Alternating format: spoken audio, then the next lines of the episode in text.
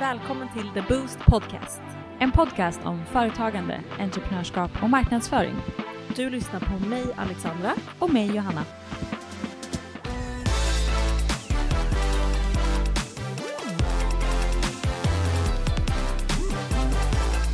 God morgon Johanna. God morgon!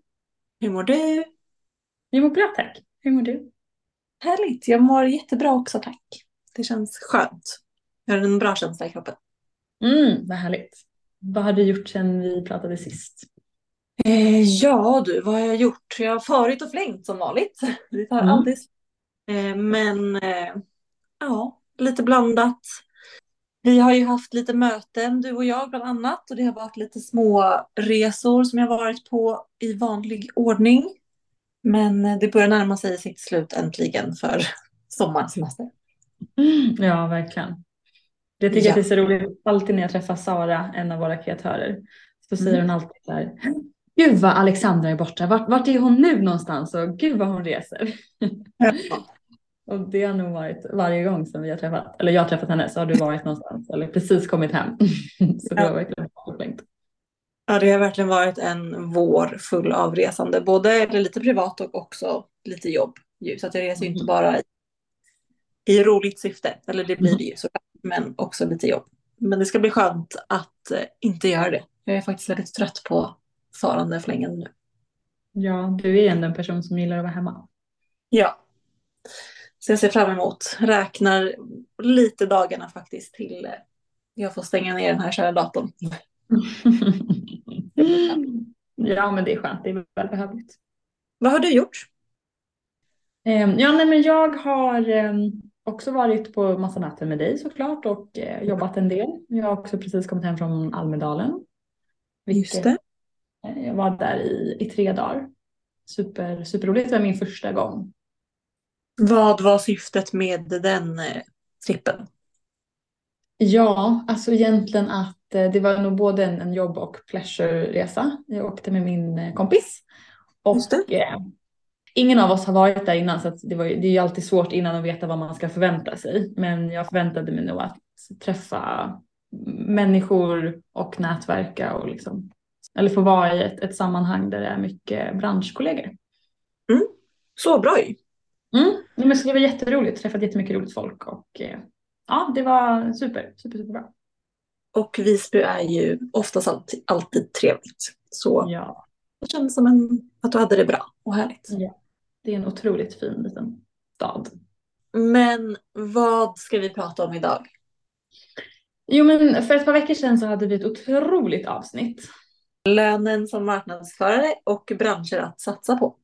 Precis. Och vi fick ju jättemycket fin feedback på det och eh, många skrev att vi var liksom spot on på ämnet och hade kanske lite, hade lite utvecklande frågor och eh, ville att vi skulle prata mer om det här.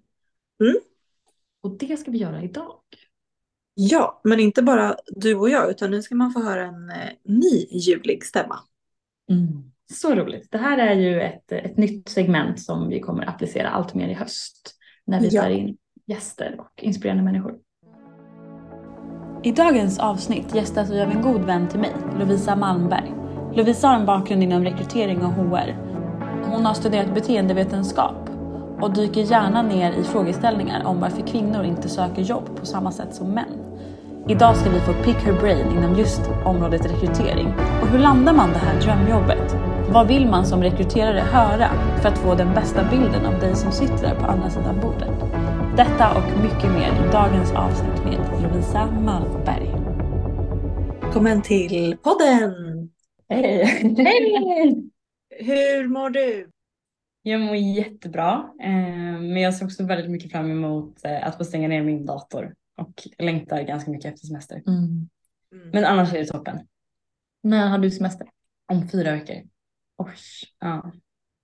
Så det är ett tag kvar. det är ett tag kvar, Ja. tyvärr. Det är lite för tidigt att börja längta, men jag har Mm. börjat i alla fall. Ja.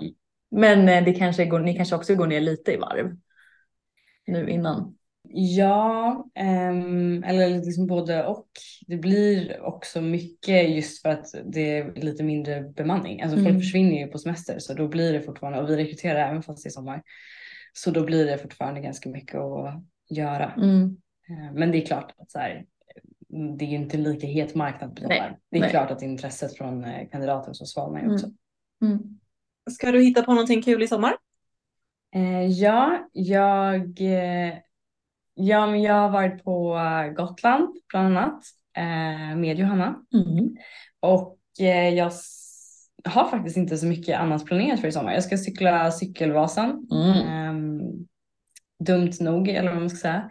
Ehm, och annars så tänker jag nog ta det lite, lite som det kommer. Jag har inte jättemycket semester heller så att, ja, se. Hur långt är cykelvasan? Det är nio mil. Nio mil. Ja, lite drygt till och med. Det är så jäkla långt. Det är så jäkla långt. Ehm, det kommer nog ta i alla fall fyra och en halv timme. Mm. Det kommer göra så ont i mina ben. Mm. Och i ryggen tror jag. Mm. Mm. Hur, vart cyklar man ifrån och vart? Mm. Åker man runt? Nej, man cyklar från Sälen till Mora. Alltså det är Mhm, ju det är Vasaloppet. samma. Ja, det är. Vasaloppet fast det är cykel. Mhm. Ja. Gud vad häftigt. Så imponerande. Verkligen. Kul och kul att ha dig här i podden Lovisa. Jag ser så fram emot att eh, höra vad du ska berätta för oss idag. Jag tror att det är många som också är väldigt nyfikna och intresserade. Så jag vill typ börja direkt och bara hoppa in i ämnet. Ska vi göra det? Vi kör.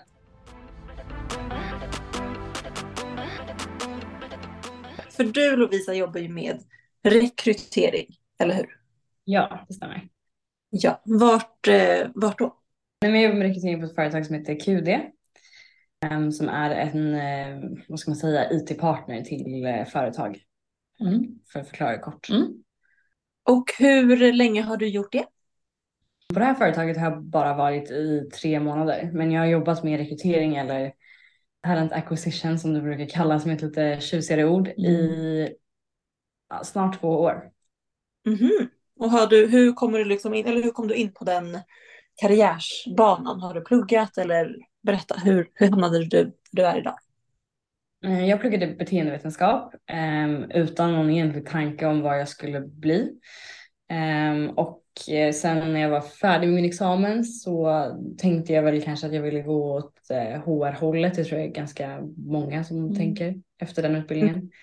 Mm. Ehm, och sen så var det min eh, klasskompis som fick jobb som, ja, på ett litet konsultföretag eh, med rekryterare. Och han tipsade mig eh, om att söka jobb där.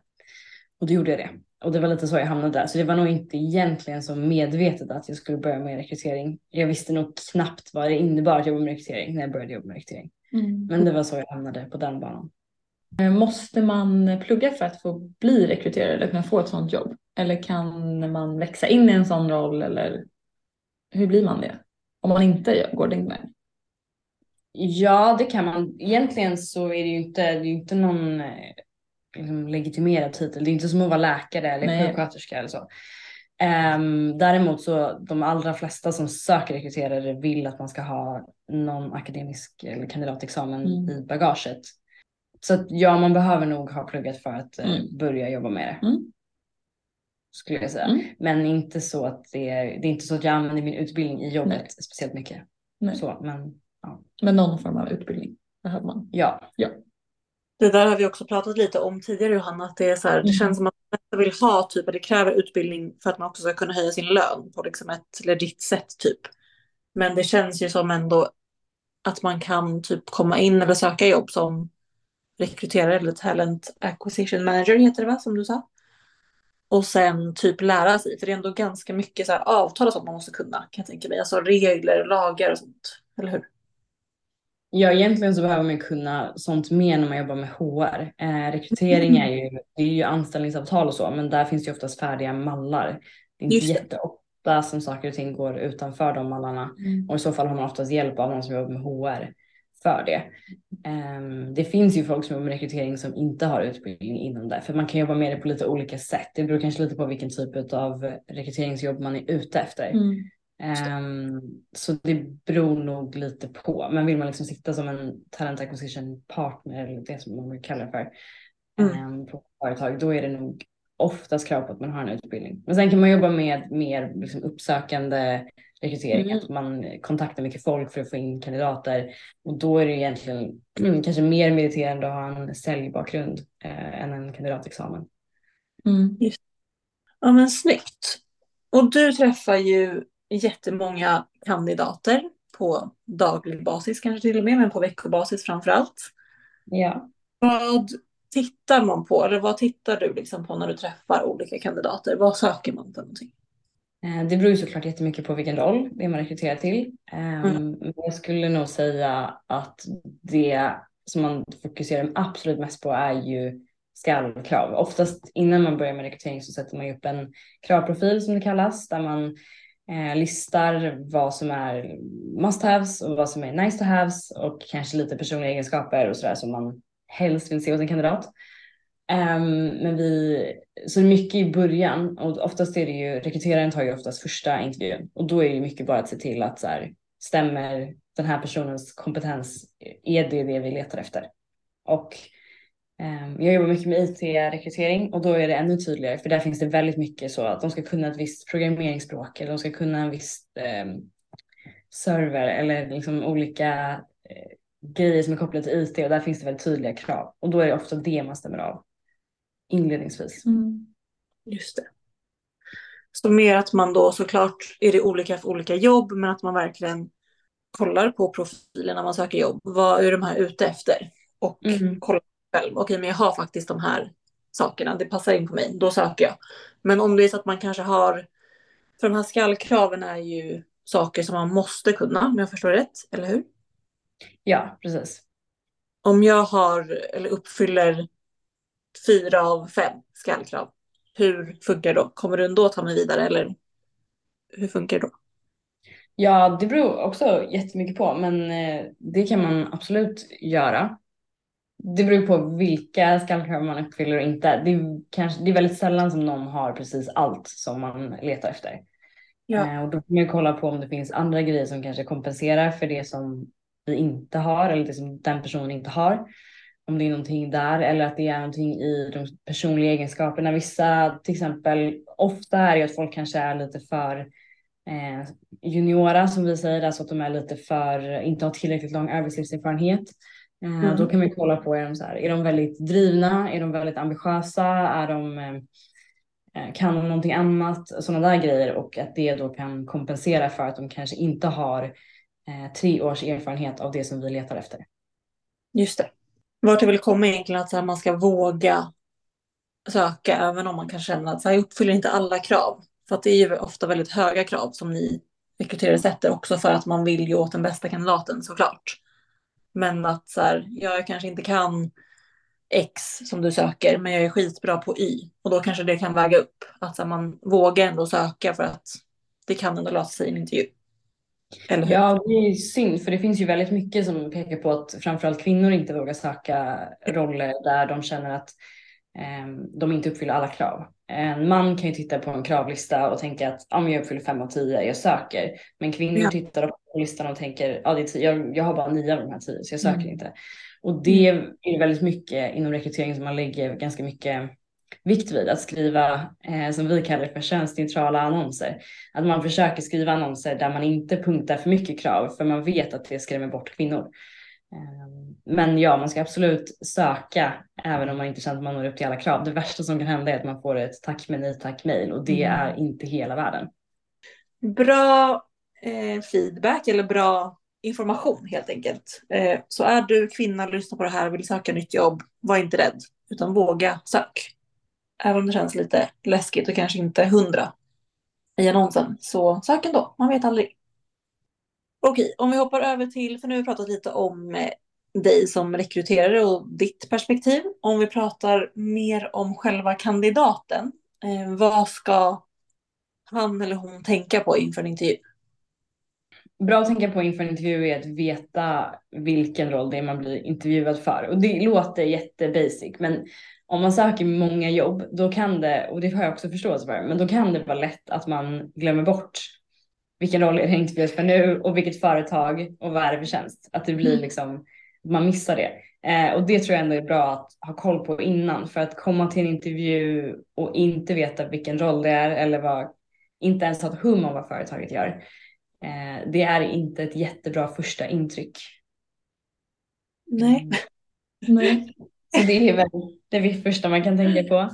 Ehm, det andra man kan tänka på är att försöka vara så, ehm, kanske inte transparent alltid. Det är klart att eh, en, en intervju är ju ett säljtillfälle. Det är klart att man kommer trycka på sina styrkor, men det är också viktigt att visa att man har självinsikt, att inte kanske bli på för mycket om hur fantastisk och hur bra man är, att det upplevs, det kan upplevas som lite självgott om man inte kan peka ut en enda svaghet eller ett enda mm. förbättringsområde. Och den frågan vet jag ofta kommer upp, så här, vad ska man svara på vad man har för svaghet? Och det är ju en jättesvår fråga för att man vill ju inte säga det på en anställningsintervju. Man vill ju bara att de ska anställa mig liksom. Jag vill bara säga hur bra jag är. Men det är ju ett sätt bara att visa att man har lite, lite insikt om vad man behöver förbättra och det ger oftast ett mer moget och eh, utvecklat intryck. Mm. Um, så den frågan skulle jag lägga lite tid på att hitta någon svaghet som känns Kanske inte, jag har svårt att passa tider, men liksom någonting som känns som det här skulle jag kunna, det här skulle jag behöva jobba på. Det kommer inte vara en dealbreaker, men det är ändå bra att visa att jag har lite koll på mina utvecklingsområden. Mm. Och det, alltså, det är skitbra att vi tar upp det här för att åter för att knyta an till det här med män och kvinnor. Skulle du uppleva att det främst är män som har svårt att typ inte säga att man har en svaghet? Eh, min upplevelse är att det är främst män. Jag kan inte tala för alla såklart. Det finns säkert kvinnor som har samma problem och säkert kanske någon annan som har erfarenhet av att det är så. Men jag har nog stött på fler män som har svårt med den frågan um, än kvinnor. Ja, och det är så intressant för nu direkt när du eh, tog upp det där, eller man har ju oftast tänkt när man har varit på intervjuer förut och nu direkt tänkte jag så här, hmm, vilka är mina svagheter? Så plocka upp ens bakhuvud liksom. Så tänker jag direkt, okej okay, vilka är de dåliga sidorna som kvinna? Generellt känns det som att vi gör det. Okej, okay, vad är jag dålig på? Okej, okay, jag passar inte in på det här som du sa. De här grejerna kan jag inte, så jag söker inte. Varför ska vi alltid tänka så jävla negativt? Så jag kan inte det, eller jag är dålig på det. Medan män är så här, jag är bäst, jag kan det här, jag gör allting tipptopp. Det är så sjukt. Ja, och det handlar ju också om en intervju och det ska man också komma ihåg när man går på intervjuer. Det är lika mycket att liksom arbetsgivaren ska sälja in rollen till dig som kandidat som att du som kandidat ska sälja in det till arbetsgivaren. Och därför kan det också vara värdefullt att trycka på liksom tidigt att om jag behöver en chef som är väldigt närvarande, annars så känner jag mig otrygg eller jag behöver stöttande och hjälpsamma kollegor. Det är ju ett sätt för att få samarbetet att funka också framöver och då säger det så här, ja men jag, om inte mina kollegor är väldigt hjälpsamma så då får inte jag så mycket gjort, eller då blir jag lite passiv eller då blir jag lite mm. rädd eller osäker. Det är ju också ett sätt att förbereda arbetsgivaren på att så här, ah, vi kanske kommer behöva lägga lite eh, energi på mm. att se till att den liksom, sociala stämningen i gruppen är bra och liksom, det behöver ju verkligen inte vara dåligt på det sättet, men det kan ändå vara bra att eh, och därför kan det också vara bra att lyfta det. Mm. Nu har du sagt ett jättebra exempel på en, en svaghet man kan säga. Mm. Har du något mer eh, tips på en, liksom, en, en smart svaghet eller en svaghet som, är, som finns möjlighet att förbättra hos en själv? Som inte är jag är perfektionist eller jag har svårt att passa tider. Nej, de svagheterna, det är väldigt många som får de råden att man ska säga någonting som egentligen är positivt. Mm. Att man ska säga så här, jag är för perfektionist eller jag är för envis. Och då brukar jag alltid ställa som följdfråga, men hur påverkar det ditt arbete negativt? Och oftast så gör det ju inte det. För att då menar de ju så här, nej men det är väl att jag har svårt att säga nej och jag jobbar mycket övertid. Och det är ju inte negativt för arbetsgivaren, det är bara negativt för arbetstagaren. Mm. Och därför blir det ju en svaghet som inte, det, mm, det säger inte så mycket. Nej. men en bra svaghet som man skulle kunna säga, ja men det är väl kanske att trycka på sånt som, eh, ja men, eller kanske säga att om jag tar inte så mycket initiativ om jag känner mig otrygg eller jag. Jag tror mycket handlar om att lägga upp liksom att se till att det blir en omständighetsfråga. Mm. Alltså det, här, det här kan ni som arbetsgivare tänka på när ni anställer mig. Mm. mm. Jag presterar bäst under de här förutsättningarna mm. och har jag inte de här förutsättningarna då tenderar jag att bli lite passiv. Så den typen av svagheter, om man kommer på några sådana, att eh, ja, de typen av svagheter. Nu kommer jag inte på någon på rak arm. Mm, men det där var väl ett jättebra, mm. jättebra exempel. Det skulle typ vara att så här, kanske hur man är i grupp, att man funderar på okej, vem är jag i en grupp och lyfter det, att så här, jag har svårt att kanske liksom komma in i en grupp eller ta initiativ som du sa i en grupp eller liksom jag är väldigt avvaktande i början, sådana där saker. För grupp och teamarbete är ofta väldigt viktigt hos de flesta företagen. Och där kan ja. man lätt och lyfta sina styrkor och svagheter i sådana situationer, för det brukar oftast vara väldigt högt värdesatt eh, mm. hur man jobbar. Och sen är det viktigt att tänka på också i förhållande till den rollen som man har sökt att vissa grejer kan man ju säga att men då säger så här, men jag är inte så bra på att ta initiativ eller ta kontakt med nya människor. Det kan du ju säga om du ska söka en roll där inte det är en del av rollen. Men söker du en roll som uppsökande säljare där du ska mm. ringa, kalla samtal, då är inte det en bra svaghet. Då är det förmodligen också fel jobb att söka. Mm, så då finns det ju fler ja. anledningar att kanske inte ta upp det. Exakt. Gud ja. Bara en grej jag tänkte på förut när vi började prata om det här. Alltså finns det folk som på riktigt kommer till intervju och inte vet att de är där för den rollen som de är där för? Ja, det händer att man pratar med någon och de säger så här, ah, nu kommer inte jag ihåg vad det här var jag sökte. Och då måste Nej. jag då lägga Nej. en stund på att förklara vad det är för roll och företag och det har jag inget emot så. Men det, direkt så blir in, det är ingen bra start mm. på en intervju. Man känner direkt hur liksom dynamiken mm. förändras lite. Det är verkligen inte en dealbreaker men det kan ändå vara ett snyggt sätt särskilt då, kanske om man inte har alla kvalifikationer för mm. en roll man har sökt, då är det ännu viktigare att sådana där bitar sitter. Mm. Att man har koll på vad det är för företag, att man visar intresse um, och att man har koll på vad det är för roll. Mm. Och också koll på hur man skulle passa in i den rollen. För jag menar, om man säger så, jag vet inte vad det är för roll, då känner man ju lite så här, vad, vad var det som lockade med den här rollen då? liksom. Jag hade blivit så provocerad om någon hade kommit, om jag var rekryterare och sagt så här, men vad är det här för roll? Alltså jag hade blivit så jäkla lack. ja men det beror nog på, lite tror jag att det skulle kunna men det beror också på vad det är för typ av, vad det är för roll de har sökt. Är det liksom någon som är en supersenior teknisk person till exempel, då kommer man undan med lite mer mm. grejer för att de är så, det är som bristvara på dem. Um, men det kan ju fortfarande vara, de kommer inte undan med allt och det är så här, skulle det vävas ihop med någonting mer, att det skulle komma fram lite senare att de kanske också är ja, men lite självgoda till exempel, mm. ja, men då mm. kanske man känner så här, nej men det här var inget, det här var ingen bra intryck. Nej. Jag fattar om man typ säger ens personliga brev om man typ söker flera jobb i veckan och så kanske man inte ändrar det skitmycket liksom, inte låter jätte kanske påläst om bolaget i sitt personliga brev, det fattar jag, men att komma till en intervju och vara så här, jaha vad är det här för intervju? Alltså det faktiskt jätteförvånad över att det sker. Men ja. ja.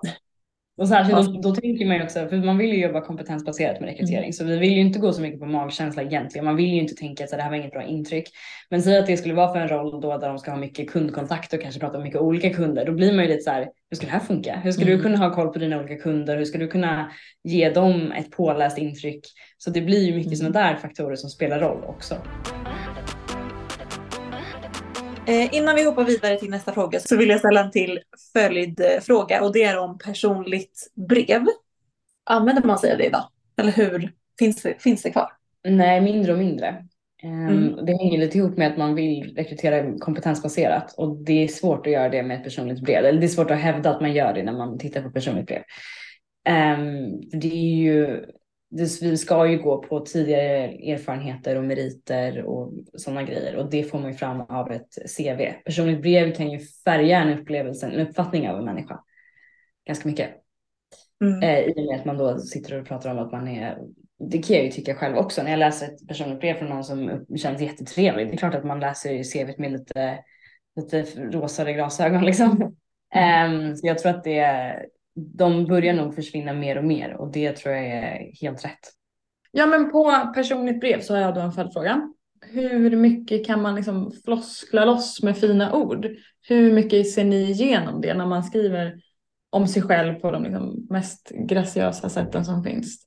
Nej, men jag tror inte man kan göra det så mycket faktiskt. Nej. Jag tror inte man kommer undan med att säga att man är passionerad, engagerad, intresserad, alla de här mm. laddade orden det kanske beror på lite vilka roller man söker. Söker man ett första jobb efter gymnasiet och inte har någonting annat på sitt CV, mm. ja, men då kan man väl lägga lite krut på att beskriva hur man är som person. För mm. då är det ju det man har att sälja in. Mm. Um, men har man ett CV som ändå är värt att skicka som är relaterat till mm. jobbet, då uh, tror jag inte att ett personligt brev skulle förändra någonting. Nej. Så då kan man egentligen, om man måste skicka med ett personligt brev, bara skippa alla de här fina utfyllnadsorden ja. om sig själv. Eller? Min teori, och det, jag kan verkligen ha fel här, men jag tror att ska man skriva personligt brev då ska man snarare skriva om det företaget man söker till. Mm. Att liksom prata om vad man tycker är spännande där. Att så här, åh jag har läst om er, jag har hört om er och jag tycker det här verkar jättekul mm. och jag är intresserad av det här och jag ser att ni håller på med det här. För då kan man nog få en väldigt positiv bild av personen för då känner man lite så här, jaha de vill ju verkligen vara här. Att, mm. det, att det kan ge en sån, mm. att man är lite smörig nästan. Mm. Eh, snarare än att lägga mycket fokus på sig själv. Mm. Jättebra tips, verkligen. Så istället för ett personligt brev där man pratar om sig själv och jag är ditten och datten och bäst på det här så foka mer på företaget som du söker för och den rollen och mer vad man kanske tror att man kan bidra till i den miljön och den rollen. Men mer om dem helt enkelt. Ja, precis. Att man lägger lite mer fokus på vad företaget gör och hur man själv tror att man skulle kunna bidra mm. eller vad man själv tycker känns lockande eller intressant. Det tror jag är mer effektivt än att sitta och rabbla floskler. För det har man ändå mm. läst så många personliga brev som säger att de är duktiga och drivna och jag tror att de flesta rekryterare ser, igen, ser mm. igenom det. Ja, så bra tips. Och vidare igen, det här med kompetensbaserad rekrytering, det är alltså helt enkelt att man kollar på vad man har gjort innan. Alltså ens kvalifikationer helt enkelt. Vad har jag gjort tidigare? Ja, man kollar på kompetenserna. Har de de ja. kompetenser som vi söker för den här mm. rollen? Och då ska det vara liksom inte baserat på att så här, ah, men det här är en person som jag skulle dricka kaffe med på måndag morgon. Mm. Utan då ska det vara så här, tror vi att de kan göra det jobbet som vi anställer dem för att göra? Mm. Ehm, och det är ju Mm, vi människor är ju väldigt eh, subjektiva varelser. Det är jättesvårt att lyckas med en helt objektiv rekryteringsprocess och det är nog ingen som har gjort det heller. Men kompetensbaserat är ett sätt att försöka komma runt det. Mm, mm. Snyggt! Många bra tips. Så om du lyssnar nu skulle jag råda dig att stanna upp och kanske anteckna innan du går vidare eller lyssna på den här delen igen. För det var väldigt många bra tips här. Mm, verkligen. Bra, men vad har du Lovisa för generella tips då till jobbsökare? Som så här, bara allmänna som alltid är bra att ha med sig när man söker ett nytt jobb. När man söker jobb eller när man kommer på första intervjun? Båda två kanske. Vi kan börja med själva jobbsökande fasen och sen när man har kommit till första intervjun. Eh, ha ett, eh, och det låter som att det här är kanske det mest basic tipset man kan få, men ha ett snyggt CV. Det behöver inte vara snyggt grafiskt på det sättet, men det ska vara lättläst, det ska vara tydligt vad man har gjort tidigare, det ska vara väl lätt det ska vara välstrukturerat. Mm. Så att det är lätt för den som läser CVt att förstå vad det är den här personen har gjort innan. Och det låter självklart, men det är väldigt många som missar det. Mm. mm. Och det är ju bara liksom det första steget. Mm. Men lägg lite tid och energi på att CV ska se snyggt ut, men också att det ska finnas mycket information att hämta där. Kopplat till vad man har gjort tidigare. Mm. Så man vill bara inte ha kanske så här, jobbat mellan de här åren på det här företaget, utan man vill man ha lite mer information kanske om den tjänsten redan på CVt? Ja, det vill man för att man, en titel och ett företag säger inte så jättemycket. Det kan vara titlar finns det ju det finns jättemycket att säga om titlar, men där går det ju verkligen en inflation i vad man kallar sig på mm. jobb och så. Och då kan det verkligen vara värt att, eller alltid bra att skriva lite kort. Vad hade man för ansvarsområden? För vissa har ju, ibland kan ju en titel låta ja, men ganska, så här, men ganska basic mm. och sen har man haft mycket större ansvar än vad som framgår av titeln eller tvärtom. Um, mm. det, är alltid, det är alltid bra att lägga lite energi på att skriva mm. vad man gjort tidigare. Vi kan ju ta typ säljare som exempel eller sales manager som är jättebrett och definieras så olika eller typ account manager. Mm. På vissa det är liksom jättemycket ansvar och bara liksom nyckelkunder och på vissa bolag är det helt och hållet bara nykundsbearbetning. Så att man kanske då skriver att jag var account manager på bolag X mellan den här perioden. Jag gjorde ditten, datten, ditten, datten. Ja, exakt. Och det är ett jättebra exempel. Den titeln är verkligen en sån som kan mm. betyda allt. Det är samma ja. som att vara IT-chef. Du kan ju vara IT-chef på ett stort bolag och då är det ju en jättetung titel. Men vissa har skrivit om IT-chef fast de är egen, alltså konsulter ensamma. Och då plötsligt har man inget personalansvar och då förändras ju den titeln ganska mycket. Ja. Eh, därför kan det vara bra kanske att skriva lite kort mm. vad det har inneburit. Jättebra. Mm. Och det finns ju också väldigt enkla mallar på typ Canva som är gratis. Det behöver liksom inte vara supergrafiska designer utan bara enkla som man kan följa och där det är väl liksom, tydligt och strukturerat och så. Mm. Så att man inte bara skriver i ett dokument. Liksom. Det kan vara lite kul att man kanske lägger lite tid på det grafiska. Eller lägger ni noll värdering sånt? Skulle du säga? det är klart man lägger lite värdering i det. Det är inte så att det behöver vara en snygg grafisk profil. Det behöver vara fina färgval kanske. Nej. Beroende också kanske på vilka roller man söker. Är man, eh, ska man jobba med design, ja, då tror jag att det är mycket viktigare ja. att CV ser snyggt ut än ska man jobba som fronterutvecklare eller vad som helst. Mm. Men på det stora hela så tror jag att det viktiga är att CVt är lättläst. Det får mm. inte vara man ska alltså ha punkter på rätt ställe, använd stor bokstav, se till att det ser liksom prydligt ut. Eh, och en mm. liten detalj som verkligen egentligen inte spelar någon roll. Men det är ju snyggt att spara som en pdf och skicka in det som ja. pdf. Ja, ja men inte, inte det. Nej, men inte det nästan eh, ett måste nu när vi har så mycket olika datorer och program och grejer. Inte alla som gör det. Nej, det är så. Det här med eh, bild på sig själv då, det tycker jag är väldigt omtalat. Vissa är verkligen för, vissa är verkligen emot. Bra fråga. Tyvärr så tror jag att det har ganska stor effekt. Eh, Jag tror man, man, vi människor är ju bara människor så vi blir ju glada när vi ser andra människor. Och det är ju trevligt att se någon som ser glad ut. Man blir ju lite, lite mer kanske lockad och tänker att det är en Mm. trevlig person. Eh, Så jag tror att, att bilder påverkar ganska mycket. Jag vet att många rekryteringsverktyg nu har lagt in en funktion så att man inte ser folks bilder. Även när de lägger in Mm. bilder. Just för att det påverkar så mycket. Så att nej, jag skulle väl säga att eh, jag, egentligen så tycker jag att det är dåligt att man, att det, det är synd att bilder påverkar. Mm, Men eftersom att det påverkar, kan man använda det till sin fördel, ja då kanske man ska göra det. mm. Det beror väl på lite. Men eh, nej, på det stora hela så tycker jag väl inte att det är så bra att ha bilder i CVn. Nej. Nej. Mm. Varför då? Eller definiera. Påverkar hur? Alltså negativt eller positivt? Det beror ju på, men de flesta som lägger upp en bild på sig själva i ett CV ser ju ganska trevliga ut. Eh. De ser oftast lite säljiga ut och ser lite glada ut. Och det gör ofta att man som, och det här sker ju helt omedvetet då, men, hjärnan är ju inte smartare än att den tänker att så här, det här är nog en trevlig person. Och så läser man CVt med lite andra glasögon än vad man Mm. kanske hade om det inte hade varit en bild på. Mm. Ehm, och det är ju det som gör att man påverkas då omedvetet. Ehm, och de flesta som jobbar med rekrytering är ju medvetna om att det är så här, men det betyder ju inte att man inte går i den Nej, fällan precis. ibland. Ehm, och framförallt då tänker jag för roller där kanske kraven inte är så höga. Ehm, om man söker typ ett receptionistjobb till exempel. Mm. Sådana roller får i regel ganska mycket ansökningar. Ehm, och då tror jag verkligen att det kan påverka utsållningsprocessen om man får ett gäng, en bunt med CVn som har bild och en bunt med CVn som inte har bild. Mm. Då gissningsvis då så kommer man gå vidare med fler som har bild på sitt CV Mm. för att de ser trevliga ut. Mm. Väldigt intressant. Jätteintressant, för egentligen när man tänker efter, nu ska ju allt såklart med all sin rätt vara liksom, som du sa innan, att man har, vad sa du, könsneutrala annonser och det ska liksom inte definieras och alla är såklart välkomna att söka och hej och hå. Varför ska man då, hur spel, vad spelar det för roll hur jag ser ut? För du ska ju ändå kolla på vad jag kan. Så hur, förstår du? Egentligen är det ganska sjukt när man tänker efter. Varför spelar bilden egentligen roll? Ja, nej, och det är det som är grejen. Jag tror att det här med bilden är ju inte för att man för att man vill att det ska påverka. Det gör det helt undermedvetet. Man blir bara lite mer vänligt inställd och det är ju, det är ju, jag tror att det ligger liksom i vår, oss, i vår natur bara, att det blir Ja. liksom, precis som att det är svårare, tycker jag då personligen, att, att ja, men om jag har haft en kandidat som jag har pratat med och som vi sen kommer fram till att så här, vi ska inte gå vidare med den här personen. Det är ju mycket jobbigare att skicka ett mejl till en kandidat som jag redan har pratat med en gång än att skicka ett sånt mejl till en kandidat som bara har sökt som jag aldrig har pratat med. Man Mm. får ju liksom en liten relation till någon Mm. även bara fast man har en bild så känner man ändå lite mer för den personen. Man får ett Mm. ansikte på det liksom. Mm. Såklart. Verkligen. Så intressant, men helt enkelt ha bild. För det finns verktyg som ändå kan plocka bort det om man vill det. Men det är väl alltid bra att ha en bild på sig själv, alltså ändå oavsett vad. Men ha ett tydligt CV inför Mm. att du söker.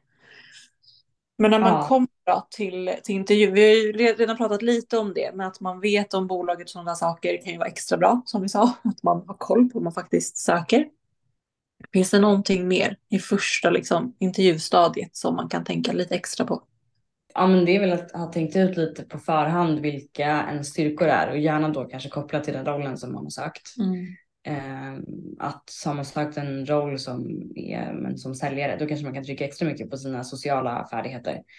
Mm. Eh, eller har man sökt en roll som tekniker då kanske man kan trycka ännu mer på att man är en problemlösare och att man tycker att det är kul och sådana där saker. Så att man tänker på vilka styrkor man väljer att presentera kopplat till den rollen man har sökt. Mm. Ehm, och samma med ens svagheter då, så till att ha ett bra svar på den frågan. Ehm, en annan grej kan ju också vara att komma ihåg att ta med lite frågor till intervjun. Ehm, det finns inte, oftast inte jättemycket information i annonserna. Så det kan vara bra att ha lite kanske frågor om företaget eller om, om, om rollen eh, för att också visa lite intresse. Mm. Vad, eh, det är väldigt vanligt när man går på intervju att första frågan är så här, men vem är du? Berätta lite om dig själv. Mm. Vad, vad är det man vill veta då? Vill ni veta vem jag är som liksom privatperson eller vill ni veta direkt kopplat till en yrkesmässig relation, hur jag funkar på jobbet eller Vad är det man söker efter en sån stor fråga? Ja, man söker en, eh, ett professionellt svar. Att du ska prata om vad du har gjort i ditt yrkesverksamma mm. liv. Det är en jättesvår fråga. Det är många som tycker att den är lite jobbig. Men det är lite ett sätt att liksom komma igång och kolla lite. Kanske också bedöma lite den här förmågan att hålla en röd tråd. Kan du presentera dig själv? Kan du berätta om dig själv? Um, jag tror att den frågan är vanlig av just den anledningen mm. också. Så jag ska inte säga så här, ja, jag är 28 år gammal och jag är glad och har en hund och bor här. Det Nej, vill man inte veta. Det vill man inte Nej. veta. Nej, man vill att man berättar om att så här, ja, men jag eh, jobbar med det här och jag har varit på det här bolaget så här länge och innan det var jag där. Det behöver inte alltid vara så långt heller. Det finns inget rätt svar på den frågan. Mm. Det är mer bara att liksom, tror jag, kicka igång intervjun någonstans mm. eh, och då brukar det vara en öppningsfråga. Mm. Men det är ju inte alla som tycker om den frågan och det är inte alla rekryterare som använder den heller för att just för att den är lite för Stor. bred. Mm, bra tips att äh, inte prata om sitt privata jag. Nej. Men jättebra fråga. Jag tror att det är en tolkningsfråga också. Alltså vem är du? Jag kan tänka mig att så här, ändå vissa rekryterare kanske vill eller så här, undrar vem du är som privatperson eller ja, vem du är för att lite avdramatisera allting och se, för det är ändå människor vi jobbar med som sagt. Man är ju ändå en person liksom. Då kanske man ska omformulera frågan tänker jag. Okej okay, Johanna, eh, berätta om din eh, yrkesväg. Typ. Alltså att det blir mer riktat till att du ska prata om ditt yrke, inte om liksom, vem du är. För du är Johanna, bor i Sundbyberg, har en hund, har en sambo. Det är ju du liksom. Ja. Mm. Exakt. Verkligen. Jag tror jag brukar öppna mina intervjuer med en fråga, men berätta om vad du gör i dagsläget. Mm. Vad är det du söker framåt till exempel? Um, att börja i den änden för att smalna av frågan lite mm. just för att den frågan är svår. Men om man får frågan, vem är du? Som man ändå får, då tror jag att man ska fokusera på vad gör jag nu och vad har jag gjort tidigare mm. yrkesmässigt. Sen är det klart att man kan lägga in en personlig detalj men det, um, det är inte det man söker när man ställer frågan. Mm. Nej. Bra tips återigen. Jag fastnade också lite för det vi pratade om tidigare som också nämnde här tidigare att företaget ska också sälja in sig själva. Det är inte bara jag som kandidat som ska sälja in mig själv.